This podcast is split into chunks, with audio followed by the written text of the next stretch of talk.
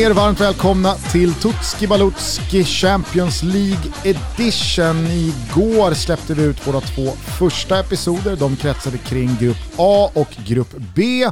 Idag är det dags för Thomas Wilbacher att gå igenom grupp Det är jag det. C. Det är en, eh, om du tillåter mig att säga det, ganska så spretig grupp. Ja, och jag märker det när jag ska göra eh, rublarna att eh, man måste bestämma sig eh, för var man tror den här säsongen går åt så att säga för de här olika lagen. För att kvalitetsmässigt så, så är det inte så jättestor skillnad. Det brukar det ju vara. Det är klart Dortmund eh, sticker ut men börjar man då grotta ner sig i Sporting, i besiktas transfersommar, eller för den delen då Ajax eh, med, med deras historia och, och Ten Hag eh, som en gedigen tränare så, så blir det ganska, ja, men de blir jämna kvalitetsmässigt. Ja, nej men, Men ofta- fine. Jag, jag, jag- jag, står ändå för att känslan är att den är spretig. Man vet liksom inte riktigt vart man har eh, gruppen. Ja, men det finns ju alltid turister i de här Champions League-grupperna, typ Malmö, eh, men eh, Sheriff eh, såklart också, eh, som eh, kommer dit och ändå får se som slagpåsar och med största sannolikhet kommer bli slagpåsar också. I den här gruppen finns inget sånt lag. Nej, här finns, det ju fyra, här finns det ju fyra lag som i alla fall på hemmaplan känner att man kan rå på alla tre motståndare. Definitivt, för det är någonting som eh, trots allt är viktigt även för det sportsliga. Att eh, publiken är tillbaka och med publiken tillbaka så blir Besiktas ett helt annat lag. Till exempel. Ska vi börja nere i Turkiet då? Ja, men det kan vi göra.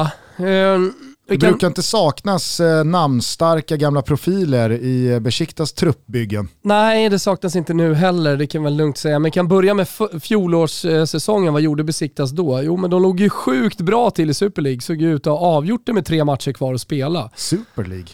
Eh, fan De den ingick då? alltså, det, det spelades en Super League-säsong i fjol. Super League, heter den inte det i Jaha, Turkiet? ah, ah, okej. Ja. ah. Su- Super League. Ja, vad, hur säger du då när du Ah, pratar nej, med jag, dina jag, polare? jag hamnade... Jag, jag, Turkiska Super League. det är helt sant. Eller kör, hur sant. säger du på turkiska du som, du som är så vass på det? Eh, Super League. Super League?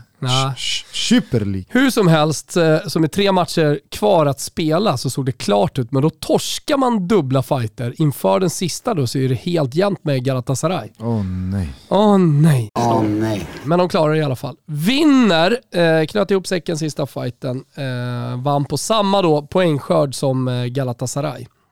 De har ju vunnit ett par ligatitlar senaste åren, Absolut. måste man ju säga. Det som i alla fall en gång i tiden när jag växte upp var, ja, men, eh, i, i alla fall i mitt huvud så som jag minns det, en duell mellan Galatasaray och Fenerbahce och så var Besiktas då liksom tredje laget. Så känns det som att den eh, maktstrukturen har eh, skrivits om lite i, idag och eh, på senare år. Nej, men det är ju flera lag och det, det är kul för den turkiska ligan så att säga, för supporterna att eh, det är flera lag som gör upp om det och att det är jämnt och det är många lag som eh, satsar. Turkisk fotboll har mycket pengar att investera i spelare och det ser vi inte minst då när vi tittar på transfermarknaden och den som Besiktas har gjort i sommar. Och möjligheten också att kunna knyta till sig spelare tack vare Champions League, tack vare att man är en toppklubb och att man faktiskt kan betala pengar. Jag kommer ihåg när Albin Ekdal eh, valde Hamburg. Då låg ju budet där från, eh, från Fenerbahce eh, som vad jag förstod i alla fall var det rikaste kontraktet.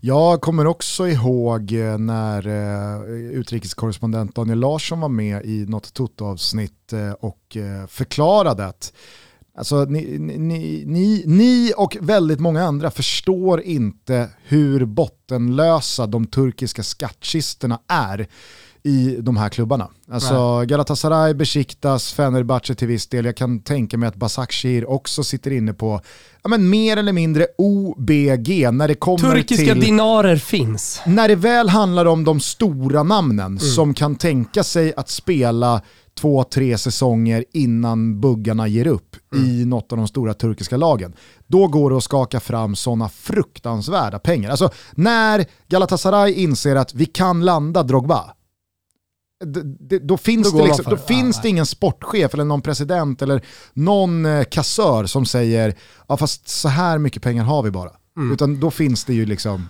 OBG. Ja, men det är kul att du nämner honom, eh, Daniel Larsson. Mm. Eh, Spelar han i Besiktas? Nej, han spelar i Akropolis. Men det finns en gemensam nämnare här med Besiktas, nämligen eh, tränaren. Sergen Jalsin han var ju nämligen Daniel Larssons tränare i Gaziantepspor. Var det han som stack med Det var väskan? han som drog med väska med deg. Är det sant? Ja. De fick, eh, de fick eh, bonus för att de hade klarat sig kvar. Där stod väskor med pengar, en försvann. Det här skulle gå till spelarna. Eh, Sergen Jalsin hittades ju senare på ett cypriotiskt kasino. Där han brände stålarna.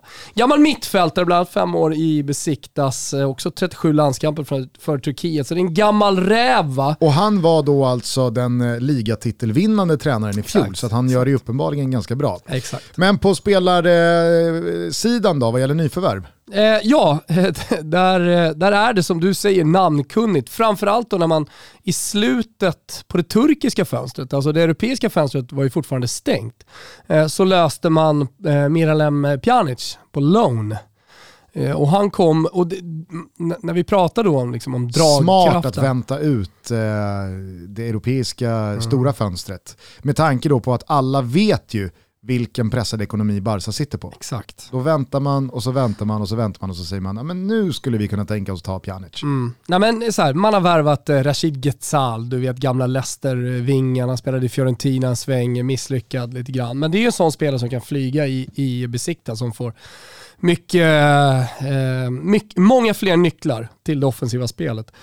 Eh, och eh, en del andra spelare, men det, det är tre som sticker ut här i alla fall. Pjanic såklart, och där ska man säga att det var i konkurrens med Juventus, Fiorentina, alltså i alla fall om man får liksom följa de italienska eh, transfergubbarnas eh, rapportering de senaste, sista dagarna på fönstret med Gianluca Di Marzio och, och eh, Pedola och eh, Fabrizio Romano. Det fanns intresse för Juventus, från Juventus, det fanns intresse för, från Fiorentina och så vidare. Ehm, så eh, Pjanic såklart då blir ju, blir ju extremt viktig här. Eh, men han, det är inte bara han som är namnkunnig, jag sa att det var tre. Michi Batshuayi, Just det, din gubbe just det. Batman ja.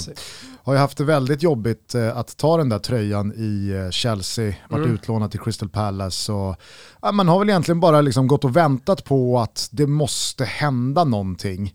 Och kanske är det lika bra då att eh, ja, men inte ens Ja, men bry sig om Chelsea när Lukaku kommer in, Timo Werner finns kvar. Alltså, då, då, men- då är det bättre att kuska vidare. Absolut, men hur givet är det inte att han kommer bomba in kassar i Besiktas? Jag vet inte varför, men det känns som en match made in heaven på något sätt. Han hamnar rätt här. Verkligen. Ja. Och den tredje? Vi kommer att prata om eh, Shakhtar Donetsk i grupp D. Eh, och det finns ju en brasse som jag tycker sticker ut av alla brassar, ett namn som sticker ut. Och det är Alex eh, Teixeira. Ah. Han, eh, känns inte han så jävla mycket Shakhtar? Jo, han är väldigt mycket käkt. Ja, de senaste fem åren har han eh, hovat in mega mycket deg borta i Kina. Ja, nu har. Besiktas plockat in honom. Vi vet ju hur bra han var. Jag vet inte hur bra han är nu. Han har hunnit bli, ska jag berätta för dig eh, Gugge Dalin. Han har hunnit bli 31 bast, född 90. Det är Så ingen ålder på en häst. Det är absolut ingen ålder på en häst och kan man få igång honom så är det ett supernyförvärv för Besiktas. Alltså vad har man tappat då tänker du? Ja men Vincent Abubakar. Ja, Det är ett s- kännbart tapp. Ja, han gick till Al Nazer. Fast kännbart och kännbart, är det så kännbart när man ser på någon spelare som man har tagit in här?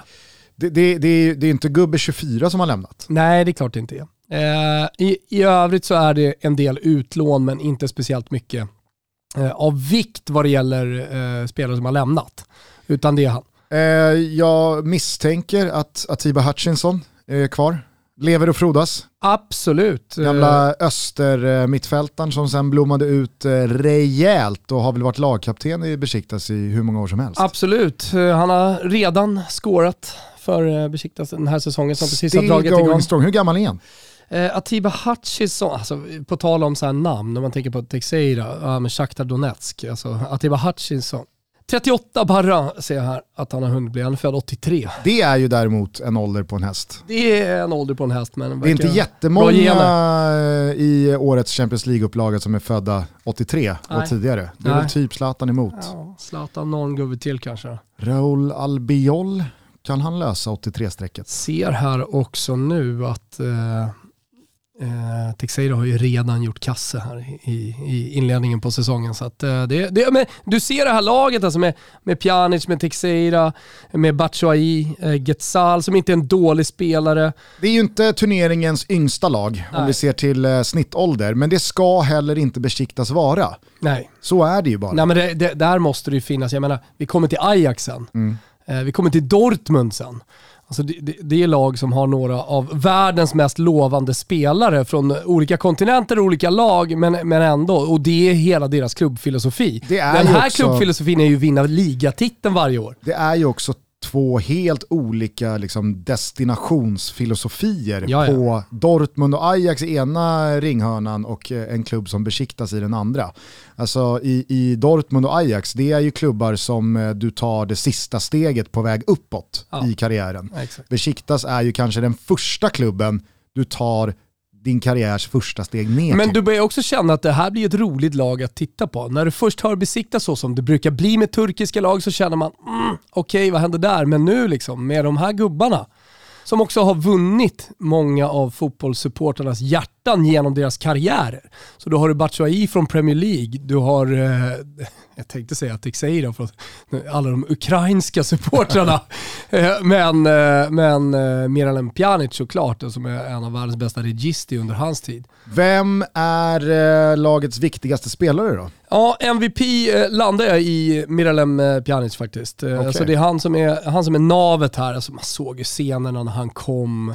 Jag läste en lång intervju med Pjanic här under landslagsuppehållet där han riktade skarp kritik gentemot Ronald Koeman och mm. hans behandling av, egentligen inte bara Pjanic utan många spelare som inte tillhörde Komans första uppställning och kanske de två, tre, fyra närmsta spelarna utan ja, men 10, 12, 14 spelare som Koman bara hade bestämt sig för inte skulle vara en del av startelverna. Mm. Eh, och som han sket fullständigt i. Han pratade inte mer om, han tittade inte på deras träningar, han brydde sig inte om några reservlagsmatcher eller ja, överhuvudtaget någonting man ens gjorde. Och eh, när jag kände och läste det så tänkte jag att det här låter ändå som en spelare som är besviken för att han själv känner att han har mer att ge. Exakt. Han är inte klar på en fotbollsplan. Nej, men alltså, den intervjun gav ju mig nästan MVP-rollen i Besiktas. Annars, om man bara kollar på fjolårssäsongen, kanske en karriär som håller på att dala lite. Men den här hungern, den gör ju att uh, jag, jag, jag mm. väljer Pjanic. Ja, alltså, vill,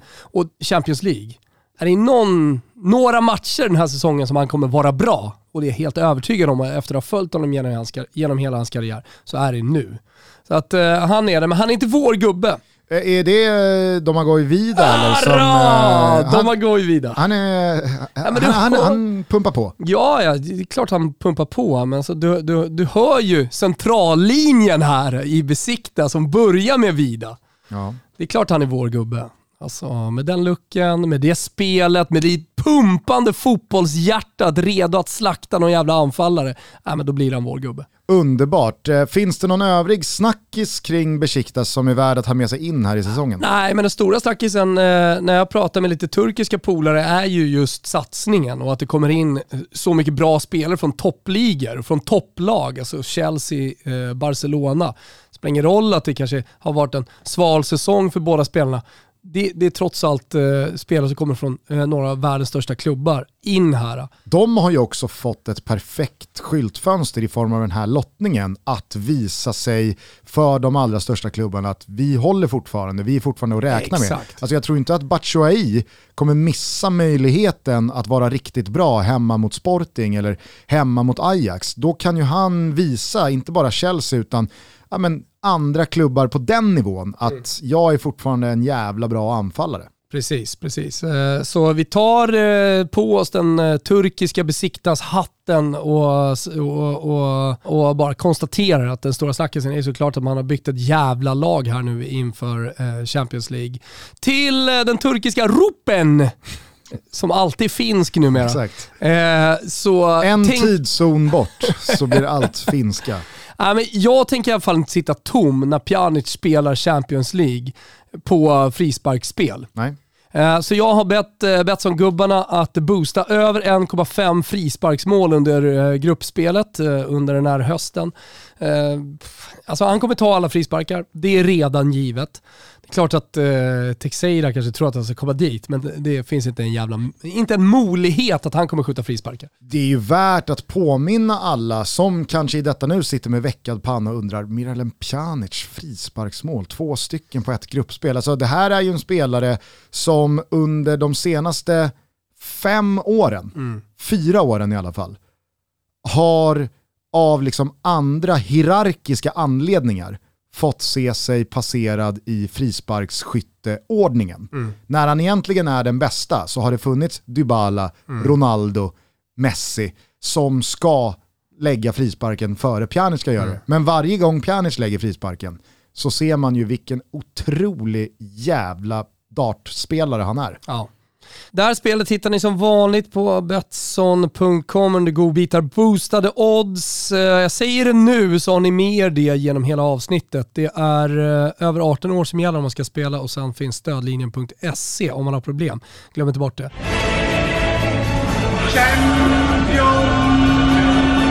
Det var det Gusten. Eh, vi pinnar vidare i den här gruppen tycker jag. Vart? Från det ena till det andra.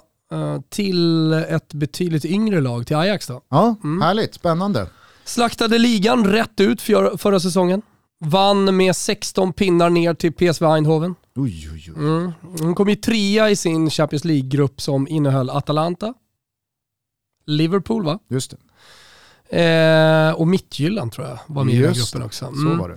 Eh, så, men de var aldrig riktigt nära. Jag tror det var fyra pinnar upp till, till Atalanta. De var ju bra i fjol, Atalanta ska sägas. Eh, och sen så åkte man ut mot Roma i kvartsfinalen. Det var väl på Johan Cruyff Arena i eh, bortalagets omklädningsrum som det skar sig mellan Papagomes och Gasperini va? Ja, det, var, det var det ja.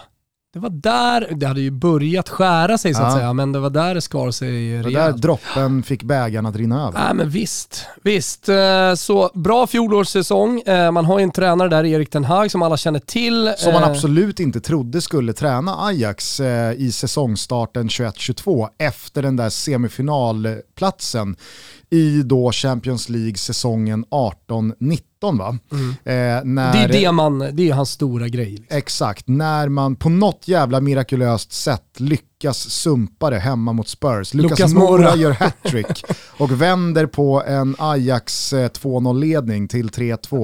Ja. Eh, och sen så går ju Spurs och torskar finalen mot Liverpool. Men det var ju Ajax stora stund med då det perfekta truppbygget, Frenkie de Jong och mm. Matthijs de Ligt och Donny van de Beek. Och, mm. Alltså de alla är ju borta nu. Där Men Erik ju, Ten Hag blev kvar. Ja, han blev kvar. Där, där fick ju Daniel Olenklint vatten på Lukas Mora-kvarnen när han gjorde mål. Han har alltid hållit honom som en världsspelare. Och jag lyssnar, det ska och du veta. Och Jesper Hoffman.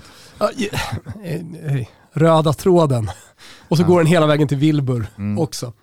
Eh, nej men eh, han, han, har signat och han är kvar och han fortsätter att förädla talanger för det är väl uppgiften om man är, eh, om man är eh, första gubbe i Ajax. Så är det väl. Mm. In ut då, vad, vad har hänt? Vad har Edwin ja. van der Sar eh, gjort? Eh. Han är väl sportchef? Ja, precis. Jag tycker eh, Steven Bergus har du koll på. Mm. Mm, han har kommit in. Och, eh, det är ju faktiskt en anmärkningsvärd eh, värvning måste man ju säga. Eh, ja, eftersom man tar honom då från Feyenoord. Exakt, man plockar från en direkt konkurrent i ligan, pröjsar 60 miljoner. Eh, så, så att det, det, det är erfaret så att säga, eller erfaret men det, det, det är ovanligt. Ova, ovanlig värvning, desto vanligare då eh, när man värvar Mohamed Darami Typiskt Ajax-värvning höll jag på att säga. Jag säger 120 miljoner kronor. Från? Från FCK. Är... Ja, det är alltså 02 oj, oj, oj. Ja, Helt exakt. Det, nej, men det, det, det händer mycket eh, under transfermarknaden och eh, de här 19-åringarna från eh, Danmark, Sverige har väl lite kvar, Norge eller var de nu kommer ifrån de eh, hajar man inte speciellt mycket till. Alltså svensk alltså, media rapporterar inte om det. De 19-åringarna hamnar ju i FCK, det är ju det. Ja, det är väl lilla, lilla problemet. Men Mohamed Darami i alla fall, eh, han, han hamnar för 120 miljoner i Ajax. Så en, eh, en mega, megatalang, anfallsspelare, Dansk. brukar utgå från höger. Ja, med, med, han, är född, han är född i Danmark men har ju givetvis eh, pass här i ja, han, Sierra Leone också. Men han är dansk landslagsman. Han är da, da, dansk Ja Han är eh, liksom eh, danskt landslagsbound. Ja. Ja, okay. ja, sen kan väl fortfarande välja, men jag misstänker att han ska välja Danmark. Ja, nej, men alltså, Ja. Han, han är inte... Alltså, Alltså, Danmark är ett av världens bästa landslag. ja, men det är väl förmodligen tre därför man kanske har, har missat honom, eh, just för att han inte ännu har varit en del av Nej. landslaget. Nej men precis, precis. Eh, så, eh, men kraftfull, snabb, teknisk, eh, har egentligen allt. Eh, Kan bli en ny Kasper Dolberg då? då? Ja, En annan dansk eh, landslagsman som eh, gick den eh, klassiska Ajax-vägen. ja, exakt. Mm. Men men i övrigt så har man inte gjort så här jättemycket. Det, det, det, är inte, det är inte många spelare som man, som man behöver höja på ögonbrynen för. Alltså om man kollar på deras senaste uppställningar, det är Tadic till vänster, eh, då har han Anthony till, till höger som har varit bra och givetvis Sebastian Haller på topp. Just det, som man eh, plockade in för enorma pengar från eh, West Ham Mm, ett men och ett halvt år sedan. Ja exakt. Bakom honom så har man våran MVP, David Klaasen. Jag tror dock, så att eh, vi inte får några efter oss i, i inkorgarna, det är ju Sebastian Allaire. Så han är ju fransman. Ja, ja, absolut. Om, om, du, om du nu vill det så. Men i och med att han kom från tysk fotboll, Frankfurt var det va, till eh, Premier League och Mm. så har West man Ham. hört Kviborg, Så- höll jag på att säga, så Adam ju Nilsson höra Haller. Haller. Ja. Det är såklart fel. Nej, Så låt oss göra honom då till Sebastian Aller. Exakt. Nu då. Eh, Men eh, vad sa jag? Jo, MVP bakom. Mm. Eh, Med eh, nummer sex på ryggen har han va? Det är David klassen. Ja, Har du sett att han, eh, han har hakat på eh, blonderingstrenden? jag har sett det. Eh, men eh, han har ju liksom inte den här eh, jättetäta, eh, fejdade young man's game. Eh, Han har 90-tals liksom barret. eh, bl- blonderingen. Alltså, det, om, om, Docklands, om, det är någon, skönt att komma i trans. om någon hade sagt till mig, har klassen ett, blonderat sig eller två, skalat av allt, Ja. så hade jag ju alla dagar i veckan gissat på att han hade skalat av allt. Ja. Men han har istället blonderat sig. Ja. Nej, jag tycker, jag tycker han är ganska given MVP i det här ganska unga laget. Eh, Det är klart Tadic skulle kunna nämnas, också jätteviktig, men, men eh, om inte klassen levererar, då levererar inte Ajax några resultat. Eh, Men det är inte bara, det är inte bara han va, som är duktig i det här laget. Eh, Jag har utsett Ryan Gravenbergs eh, till våran gubbe. Okej. Han är också lite av ett stjärnskott i Mm. det här laget. Eh, ytterligare en gubbe född 2002, kommer från Ajax egna akademi, central mittfältare, box till box, nummer åtta, vad du nu vill. Eh, jättebra och har redan fått eh, stort förtroende av Ten Hag. Han eh, hoppade ju dessutom in i flera matcher i sommarens Europamästerskap. Just va? Eh, Hasse Backe, lyrisk till den här potentialen eh, när han kommenterade dessa fighter. Ja, men det är sällan man ser centrala mittfältare vara 1,90 cm långa. Det är sällan man ser de eh, 1,90 cm långa centrala mittfältarna dessutom vara tekniska. Eh, det, det är klart att man liksom, ja, tankarna går till eh, Paul Pogba. Paul Pogba i det här fallet och du vet varför jag skrattar. Ja. Jämför svarta spelare med svarta spelare och sådär. ja, men det ska man ju inte göra. Nej, jag vet att vi ska göra det, men jag gjorde ju det precis ja, nu. man, man kanske hamnar eh, där. Men eh, vad fan, eh, jag gick på 1,90 teknisk box-to-box. Ja, absolut. Eh, så det, det är vår gubbe, det, det tycker du väl om Gugge? Absolut, absolut. Det är supermycket. Eh, det finns väl en eh, rejäl snackis va, kring eh, Onana. Ja, berätta. Eh, blev väl dopingavstängd i februari, ett år. Eh, vill minnas, om eh, mitt minne inte sviker mig, att det var ganska liksom eh, sån här tveksamheter kring huruvida han faktiskt hade klarlagt brukat eh, icke tillåten doping och vad som var någon Ja men typ allergimedicin, ja men det, det är alltid så jävla mycket gråzoner. Saker och ting är klassade för innehållet spår av det men om man är rimlig i sitt sätt att se på det, är det, är det för liksom prestationshöjande medel en målvakt får i sig det här? Eller är det för eh, andra liksom, åkommor man faktiskt har? Jag vet inte hur mycket en målvakt faktiskt kan dopa sig bättre. Det, jag har ruskigt svårt att, att, att få ihop det i mitt huvud. Hur som helst, avstängd är han, eh, drogs väl ner från 12 månader till 9 månader. Så att han ska väl vara spelklar igen Men till... du, eh, har, du har ju steken i kassen så att det är lugnt. Precis, alltså hur jävla mycket en, eh, en, en karriär kan svänga. Martin Stecklenburg då alltså, han, han klarar väl också 83-gränsen? Han är typ 82 Exakt. Eh, Någonstans där, jag tänker inte ens kolla upp det. Hamnar ju då som första spade i Ajax, har dessutom, eh, han åkte väl på skador på både Silessen och Krull. Så att han tog, ja, han tog ju eh, första tröjan även i Holland i ja, EM i somras. Och nu går han in i Champions League ändå som mm. etta. Ska nämnas här på spelare ut som har tacka, äh, tappat spelaren med, med skönast namn då, i, i hela fotbollsvärlden. Oj. Kjell Kärpen. Kjell Kärpen. Till Brighton. Eh, och sen har man tappat, eller kanske tyngsta, Noah Lang till Club Brygge och sen så har du ju Lassina Traoré till Shakhtar Donetsk. Just det. Just det, som vi pratar om eh, i nästa avsnitt. Yes. För det är en gubbe vi gillar. Det är en gubbe vi gillar, definitivt. definitivt. Okej, eh, har du landat i vad liksom du tror... Den finska eh, Ruben? Nej, Holland är väl, eh, det är väl svensk tid. Va? Det är ingen tidszon Nej, det är en rubel. exakt. Ja, exakt. exakt. Har du landat i vad du tror här kring Ajax gruppspelsfas? Nej, men eh, det är tajt här, någon måste ju komma sist. Mm. Gilla Besiktas, kommer till Sporting sen. Eh, Dortmund, Dortmund. Ajax kommer sist i den här gruppen. Okay. Jag kollar lite också på den här nya, eh, alltså Allé i all ära på topp, Sebastian. Men eh, som backup där finns Danilo, eh, Santos ursprungligen, en snabb eh, anfallare nej, känns inget bra. Känns som att man har lite för tunn trupp. Och... Men eh, jag vet alltså, inte. Steven Bergvall kan ju bli jättebra. Ja, det är många spelare som kan bli bra, men det är också en tight grupp säger jag Gusten. Mm. Jo, jo, jo, visst, visst. Ten Hag, eh, ska han verkligen vara kvar i Ajax? Kanske få sparken då om han inte går vidare överhuvudtaget. Och vi har ju fått eh, bra odds såklart också. Det är bara kika in på godbitar boostade odds så hittar ni alla rublar där. Ehm, men Ajax sist i gruppen. Det är så det blev i min skalle när jag, när jag liksom summerade allt, som, allt jobb jag har gjort här kring laget.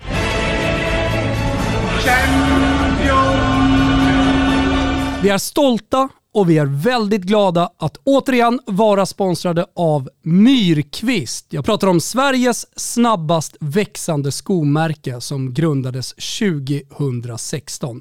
Varför denna framgång? Jo, det är tack vare ett väldigt bra koncept. De säljer snygga, handgjorda och det är fet stil. Skor av hög kvalitet och utan några mellanhänder. Och det här gör att de kan erbjuda ett väldigt bra pris sett till den otroliga kvalitet som skorna håller. De är handgjorda i Portugal och de köper in material från de finaste garverierna i Europa.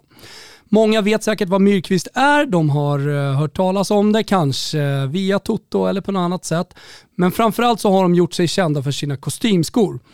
Men det finns också flera andra typer av skor. Till exempel så har jag ett par jäkligt snygga vita sneakers i absolut högsta kvalitet. De här skorna heter Oaxen om det är någon som vill rygga mig. Och Gugge har ni säkert sett i tvn när han sitter i ett par vadstena eh, med dubbel monk Ehm, vadstena, Kloster, Munk. Ja, ni fattar, de är smarta borta på Myrkvist. Hur som helst, jäkligt, jäkligt mycket snygga skor. Och de har allt från de klassiska läderkostymskorna till mocka, till höga skor, till boots faktiskt. De har en otroligt snygg höstboot som jag precis har införskaffat mig. Så gå antingen in i butiken som ligger i Stockholm i Moodgallerian, annars är det Myrkvist med Q skoblock.se som gäller. Just nu får man också, om man använder bonuskoden TOTO, skoblock på köpet när man införskaffar sig ett par skor. Vi säger stort tack till Myrkvist som är med i Toto Balutto.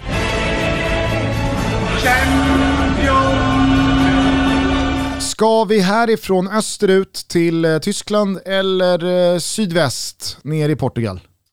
Öster. Öster? Ja. Okej, okay. Borussia Dortmund. Ja, Borussia Dortmund ja. En eh, Champions League-veteran. En mm. gång i tiden segrare, 1997 va? Hoppade mm. Lasse Ricken in och Visst. 13 sekunder senare så petade han in finalens enda mål. Sen dess så har det gått lite tyngre. Dock så ska det ju sägas att Jürgen Klopp fick ju fram en fruktansvärt bra generation som tog sig hela vägen till Wembley-finalen mot Bayern München och det här var ju alltså ett Dortmund med Gündogan, Lewandowski, Marco Reus, eh, det var äh, men Mats Hummels, pre-Bayern München, pre-återkomsten till eh, mm. Borussia Dortmund. Mm. Eh, Weiden, heter han Weidenfeller? Jo. i mål. Mm. Eh, och så var det ju Piszek eh, på ena eh, ytterbacken och... Eh, Men det är ett klassiskt lag liksom, som man eh, bara minns. jo men vad fan, nu får du ju hjälpa mig att ta eh, Schmelzer. Schmelzer, exakt. det, Schmelzer, Ja. Piszek. Vilket jävla gäng Ja, alltså. vilket gäng. Och i fjol så var det ett jävla gäng, men de låg pyrt till i ligan. Mm. Men gjorde ju en otrolig sprint eh, på våren. Och kom till slut trea och bärgade den här Champions League-platsen. Kel. Sebastian, Sebastian Kehl också. Oj oj oj, vilket, eh, vilken, vilken entaktsmotor eh, på mittfältet till Ja. lagkapten. Eh, nej men eh, exakt, vi, vi, eh, vi, jag, jag försöker bara sätta dem lite i historiskt eh, Ja, nej, men det, Champions League-perspektiv här. Vi är ju på fjolåret så, att, det- så Ja, att de är och, historiska. och, och där skulle jag vilja säga att eh, Borussia Dortmund var tillbaka eh, i liksom eh, slagstyrka. Mm. Eh, man hade ju ett jävla lag på pappret i fjol. Absolut. Eh, fortfarande bra lag, men de vann sin grupp med Brygge, Zenit och Lazio. Sen sprang man in i City i kvarten och det, ja.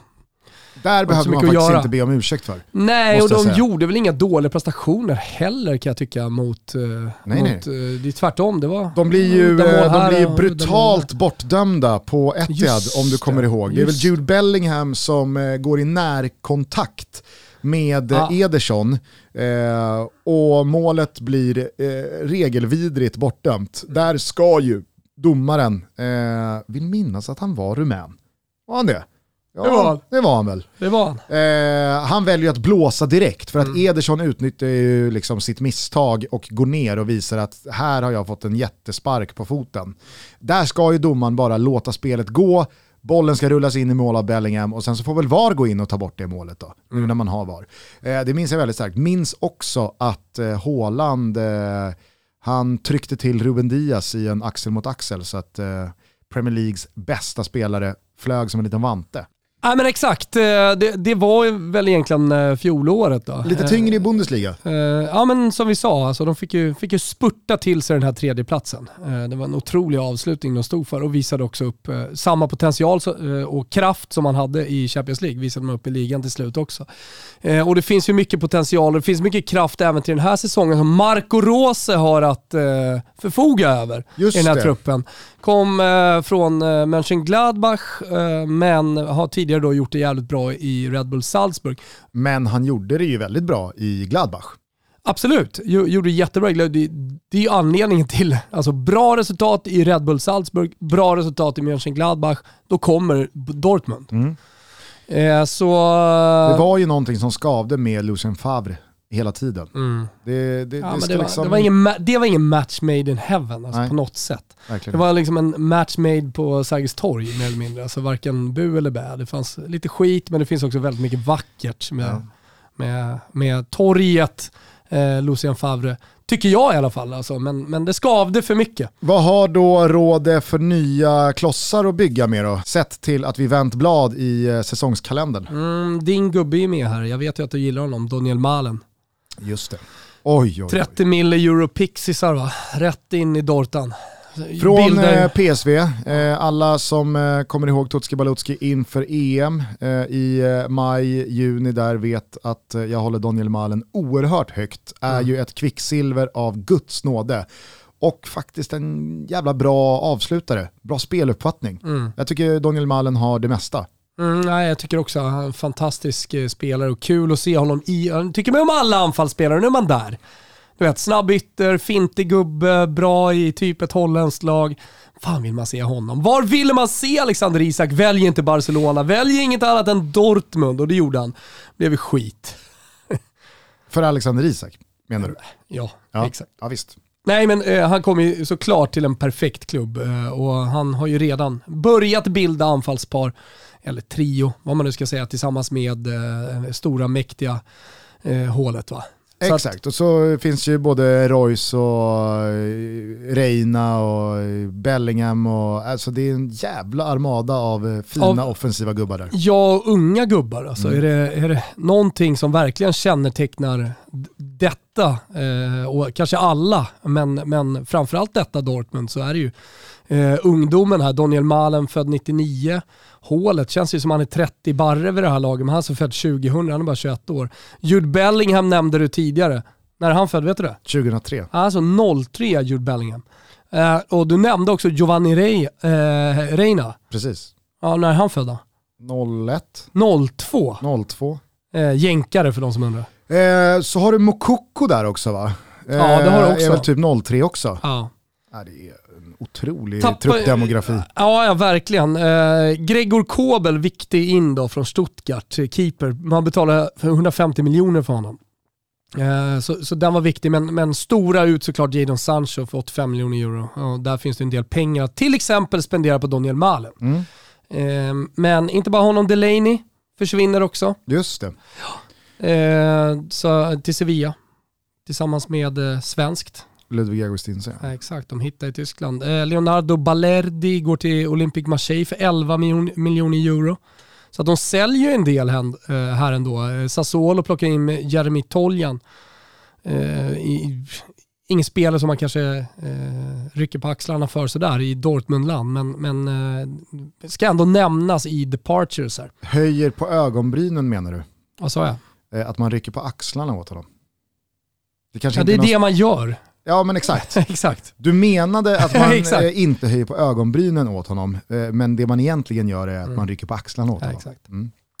Härligt! Eh, Eh, Okej, eh, vem är MVP? Eh, Marco Reus. Ja men sluta! Han är super-MVP i det här laget. För om inte han funkar, då kommer det inga bollar, då finns det ingen balans mellan centralt mittfält, de gubbarna vi precis nämnde, de här unga killarna, och eh, anfallet. Jo men om hålet gör eh, så många mål så att han vinner skytteligan i år igen. Det gör han ju inte. Så många mål kan han inte göra. Han måste ha med sig Marco Reus. Hålet Annars ju- går inte, alltså, står inte detta Dortmund upp. Hålet har ju fått sån jävla drömgrupp här. Är det så? Ja. Nej, jag vet fan om har fått så jävla drömgrupp. Jag Ja. tycker att det är en tuff grupp Nej, han jag har säger, fått. ja, alltså, hålet har Ah. fått en drömgrupp. se. Dortmund återstår väl att se, men eh, jag tror att eh, hålet gör eh, minst åtta mål i Hålet är vår gubbe. Ja, men då så. Allt är förlåtet. Det enda anledningen till att han inte är MVP det är för att jag inte vill ta båda. Marco Reus eh, är ju eh, såklart superviktig i hålet, ännu viktigare, men ska, ska Dortmund gå långt och så vidare, ja då, då är det ju viktigt att han avgör kvartsfinalen mot Manchester City. Men det finns också någon slags balanslogik i att prata om Marco Reus- här. Man unnar ju verkligen också Marco Reus en eh, skadefri avslutning på karriären. Mm. Alltså, han är ju värd att få göra en eller två hela säsonger där han får vara frisk och kry och bara kan bli bättre och bättre och bättre istället för att åka på någon skitskada, komma tillbaka och så får man börja på noll igen och så när han väl börjar se sådär Marco Reus bra ut igen, ja, då, då kommer nästa skada. Ja men såklart. Eh, vill, du kom- vill du ta det till Di Ruber? Eh, absolut. Eh, för vi börjar, vi börjar närma oss det i alla fall. Eh, snackisen, vet du vad snackisen är?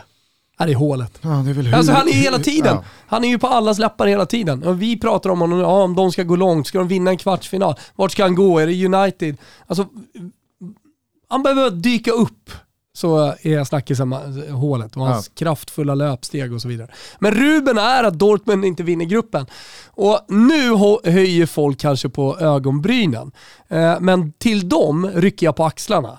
För att det är en jävligt jämn grupp. De har ny tränare, jätteintressant, gjort det jättebra i Salzburg, gjort det jättebra i Mönchengladbach, men det är så jävla ungt i det här laget. Och jag tycker inte heller, när jag kollar på backuppställningen, att det är sådär fantastiskt. Nej. Nej, det kan jag hålla med. Ska man spela med Witzel som mittback eller? Nej, det Eh, kommer Manuel man väl inte göra. Akanji, Det kommer ju eh, vara Akanji och det kommer vara Hummels. Ja, okej. Och så kommer eh, Witzel vara på eh, mittfältet och så Meunier ute till höger. Som ska bara storma fram och så vidare. Jag vet att det finns någonting i det oerfarna Dortmund som ofta flyger och som de ofta får ihop. Men jag tycker att det är ett intressant spel att de inte ska vinna gruppen när det finns betydligt mer erfarenhet i de andra bra lagen.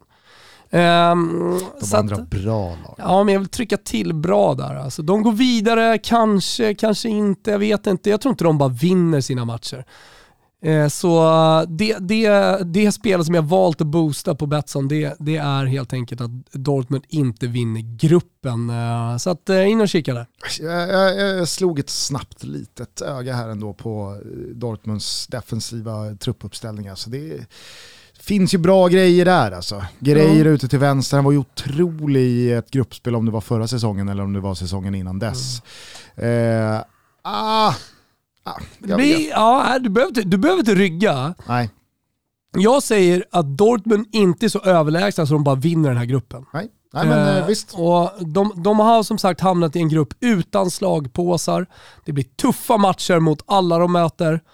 Eh, så alltså, ska de vinna den här gruppen så får de fan kämpa lite i alla fall. Det är inte så att de bara kliver över dem. Och då finns det någonting med som sagt erfarenheten som jag mm, skaver lite i mig. Jag tänker också att ifall Dortmund ja, men, eh, sladdar lite i Bundesliga-tabellen mm. och de inte får någon kanonhöst i Champions League-gruppen, men hålet gör sina mål, är inte känslan att de då i sista fönstret innan eh, hålets eh, utköpsklausul på 75 miljoner euro aktiveras i sommar, då utnyttjas till att sälja honom i januari.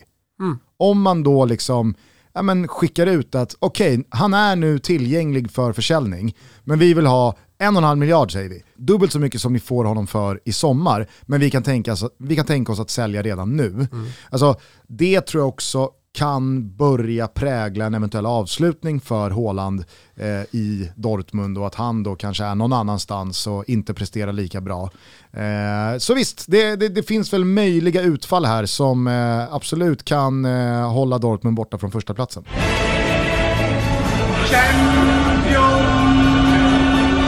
Och så kommer vi då till Sporting och där finns det en gubbe som ja, men han, han, han tror jag på så otroligt mycket. Mm. Alltså när pengar kommer, när man betalar otroligt mycket pengar för en person till en organisation, då måste det ju finnas någonting där. Och förra säsongen så vann ju Sporting eh, ligan. Mm. Eh, de gjorde det dessutom övertygande. Hade luft ner till eh, andra platsen eh, och, och tycker jag såg jävligt bra ut av det jag såg av Sporting förra säsongen. Eh, de har en nybakt tränare, han är bara 36 år. Han eh, la av med bollen själv för fyra år sedan bara. Ehm, och Sporting betalar alltså 10 miljoner euro för, för att liksom köpa tränaren. Och man, han har nu en utköpsklausul som tränare på 300 miljoner kronor. Oj. Så man köpte honom för 100. Nu finns en utköpsklausul. Man har precis förlängt avtalet och fått in den här utköpsklausulen. För man vet att stora klubbar kommer rycka i honom det, alltså den informationen gör att jag tror att Sporting blir sjukt bra. Säg hans namn. Ruben, är alltså inte Ruben, Ruppen, utan Ruben eh, Amorim. Ruben Amorim. Uh, Ruben Amorim. Eh, det, ja som sagt, ny, nybakt, eh, nyss ut, vann ligan med Sporting direkt, spelar, spelar jättebra fotboll tror sjukt mycket på honom. Men det är liksom lite uh, Next Mourinho, lite nästa Villas Boas. Ja, uh, nästa det... stora tränarämne från Portugal är Ruben Amorim. Vad har han gjort på tränarfronten då? Efter, han spelade men inte liksom på någon toppnivå. Jo fan, gjorde 14 landskamper för för Portugal. Så? Portugal. Portugal det måste ju varit jättenyligen. Mellan 10-14 eh, så fanns han ändå med. Sen spelade Benfica framförallt. Eh, central mittfältare. Ja. Ruben Amorim. Ja, jo, Ruben Amorim. Alltså, ja, visst, fan, visst, fan har man, visst fan har man tittat och tagit in Ruben Amorim nu när man säger det. Ja, och eh, på, på tränarhållet då, så där Sporting och där Portugal förstod att det här kommer bli en jävligt bra tränare. Det var i Braga. Eh, så han gjorde det bra och man köpte honom därifrån. Så det, det, det finns anledning i alla fall att tro att nästa stora tränarämne i Portugal är Ruben Amorim. Okay. Men bara för att eh, eh, liksom klargöra, de byter alltså tränare efter att de mycket oväntat och succéartat vunnit ligan. Då jävlar investerar man ju mycket i sin tro på en ny tränare. Nej, alltså han vann ligan. Ja, han vann ligan, ja, okej. Okay, så att, eh, ja, Kom de... dit, vinner ligan, är du med? Jag fattar. Ja. Nu börjar jag känna, nu börjar, du nu börjar känna, jag känna vad du känner. Det är lite puls här på Ruben Amorim. Ja. Eh, vad har man gjort i sommar då? Det finns ju en spelare i alla fall som är riktigt top arrival. Mm -hmm. Pablo Sarabria. Ja. Han kom på lån och det är ju såklart eh, ett eh, jävla nyförvärv. Och det finns ju någonting i den affären med att Nuno Mendes lämnar för PSG. och Sarabia kommer in, att man då lyckas med någon slags bytesaffär eller vad man ska säga. Sarabia har inte, han har inte spelat ihjäl sig i PSG. Absolut inte, men håll med också om att det är ett bra nyförvärv för, eh, för Sporting. Verkligen. Ja. Inte minst att det finns, alltså det finns ju rutin. Ja, det exakt. finns ju erfarenhet från de här sammanhangen på ja. ett sätt som jag misstänker inte Sportings trupp dryper av. Nej, men exakt. exakt. Eh, man har värvat lite, Manuel Ugarte, det är så spelare som man såklart inte kommer ha koll på, defensiv mittfältare från Urru. Man gillar ju alltid uruguayanska, men jag skulle fan nästan kunna sätta pengar på att eh, de här 6,5 miljonerna som man har eh, spenderat, euro alltså, för Manuel Ugarte, 20-årig defensiv mittfältare för Uruguay, de kommer man få igen i alla fall fyrdubbelt. Mm. Ja. Alltså, precis den typen av liksom värvningar som Sporting gör och han är uruguayan, han är defensiv mittfältare. Jag vet inte så jävla mycket mer, men jag tror att det kommer bli bra. Eh, Ricardo Esgaio, jag vet inte, det kanske är en spelare som du inte heller eh, bryr dig speciellt mycket om. Nej, det kan jag inte påstå. Från Braga. Eh, det, det, ja, det, det, det, är Pablo Sarabia som är liksom det stora nyförvärvet. Annars är det mycket hembakt eh, såklart i, eh, i eh, Sporting, mycket portugisiskt, mycket talangfullt. Man har Paulinho på topp. Det är en bra spelare. Mm. Figurerar i landslag och så vidare. Annars tycker jag att MVP, mm. låt oss ta oss dit, är den centrala mittfältaren Joao Palinha. Trodde du skulle singla ut Sebastian Coates där? Mm mittbacksgeneralen. Mm. Tycker som... det är vår gubbe. Ah, okej. Okay. Mm. Du skulle komma dit. Gillar honom Sorry, då, då ska jag inte föregå någonting. Eh, ge oss MVP igen. Ja, men, du, du pratade ju tidigare, eller vi pratade tidigare om eh, mittfältare som är 1,90 cm långa men ändå kan spela spela, spela bollen. Va? Jao Palinha är ju den spelartypen. Han är 1,90 lång, han har fina fötter, han är stenhård i närkamperna. Ja, han är helt, helt given vår gubbe. Lite förvånad att han inte har gått där, men har ett högt värde också. Alltså du, du, du får inte köpa honom för under, skulle säga, 20 miljoner euro. Nej, och där blir det väl lite liksom som eh, vi har pratat eh, kring Anel Ahmedhodzic i eh, Toto Balutto. Mm. Att nu finns möjligheten för den här spelaren att helt given mm. i sitt sporting göra en Champions League-höst som förmodligen bara kommer gynna han, klubben, alla inblandade parter här. Mm. Eh, så att, eh, det, det, det, har väl sina förklaringar till att han är, är, är, kvar i Sporting här nu. Ja men exakt, eh, och vi kan väl ta det direkt, du har redan, redan sagt det. Sebastian Coates av flera anledningar. Dels att jag, precis som Christian Borrell, är lite förälskad i uruguayanska spelare. Eh, jag tycker att han är fett bra. Eh, och det är ja, men på ett sätt starkt av Sporting att behålla honom. För det finns många klubbar tycker jag ändå som skulle, skulle ha användning för honom. Portugisisk fotboll är ju verkligen ett steg ner eller kanske rent av fler steg ner från ja, men, eh, den stora omvärldens intresseblickar. Eh, I synnerhet då om man jämför med England och Premier League som Coates tillhörde i början av sin europeiska karriär. Jo, men, kom, fram i eh, Liverpool, eller kom ju till Europa och Liverpool var ju direkt svag. Alltså det var ju Bambi ja, men Det var ju ett Liverpool där alla var svaga. De var ju Arsenal på den tiden. Alltså, Jay Spearing och boys Såg någon rykte nu om Alexander Isak till Arsenal direkt. No, don't take our boy liksom och gör honom dålig. Där var ju lite Liverpool ett tag. Ja. Eh, nej men och sen så, sen så hände det väl heller inte i Sunderland när han gick ner ett pinnhål från Liverpool och skulle ja, men blomma ut där. Hamnar i Sporting och där och då så börjar man ju lite liksom lägga Sebastian Coates i någon slags låda som man inte öppnar så ofta. I och med att man inte, som jag sa, följer portugisisk fotboll ens i närheten av lika nära som man kikar på annan europeisk toppfotboll. Han fladdrar förbi här och där när man ser eh, lite Europa League eller kanske en sån här Champions League-gruppspelsmatch. Men där stannar det ju. Och sen så eh, har ju inte Uruguay rosat marknaden eh, senaste landslagscykeln. Men fan alltså. Mm. Gnugga på i Sporting, eh, gör ju kanon uppenbarligen. Absolut. Hatten av. Hatten av, verkligen. Hörru, nu kommer det till den där Rubian. Rubian. Vad, vad, vad, tror du nu? Alltså, det är ett pussel att lägga i den här tajta gruppen. Vad, vad landar jag någonstans i, i, i mina tankar kring Sporting? Ja, jag är nyfiken. De åker ut i åttondelsfinalen. De går vidare. De åker ut i åttondelsfinalen, då måste man gå vidare. Va? Ja, så ja. är det. Är det konstigt eller? Har du problem med det? Alltså jag lägger all, alla mina äh, sporting-ägg här nu i, i uh, Ruben Amorims korg. I den där utköpsklausulen. Ja, herregud alltså. Uh, nej, men jag, jag, tror fan man går vidare. Det är ett gediget jävla lag med erfarenhet, med Coate som ska göra det. Jag tror man går vidare.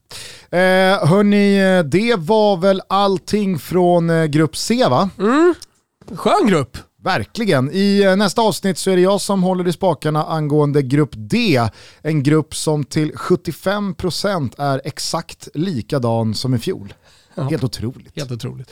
Hörni, eh, tack för att ni lyssnar. Eh, vi hörs snart igen. Ta hand om varandra och glöm för guds skull nu inte att införskaffa ett simor abonnemang För det är ju så att på tisdag den 14 september så drar Champions League-säsongen igång. Gugge programleder, expertstallet är upptoppat med två nyförvärv i form av Olof Mellberg och Micke Lustig. Kim Källström finns redan där. Vicky Blomé kommer finnas med i studion. Vi har otroligt fina kommentatorer och experter expertkommentatorer. Äh, men det kan bli hur bra som helst där. Fantomen är där också, redo att ge oss alla siffror bakom fotbollen som spelas i fotbollslabbet. Det kommer bli hur vast som helst. Thomas, hur införskaffar man ett abonnemang?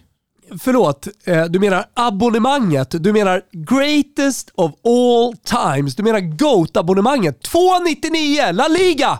VM-kval, en jäkla massa grejer och inte minst Champions League. Seri Två... Serie A glömde du oss. Sa jag inte Serie A? Du hör ju, greatest of all times. Det är så jävla great så man förstår inte hur bra det är. 299 Barubas. In på simor.se sport. Och jag menar, har man inte skaffat det här än, fixa det nu. Telia har förvärvat rättigheten, Simor streamar alla matcher. Var med från start. Jajamensan, eh, nu lyssnar vi på lite Tancredi, eller Ciao tutti! Ciao tutti! time to relax and take an espresso for Juventus. By the way, this is espressino, not espresso.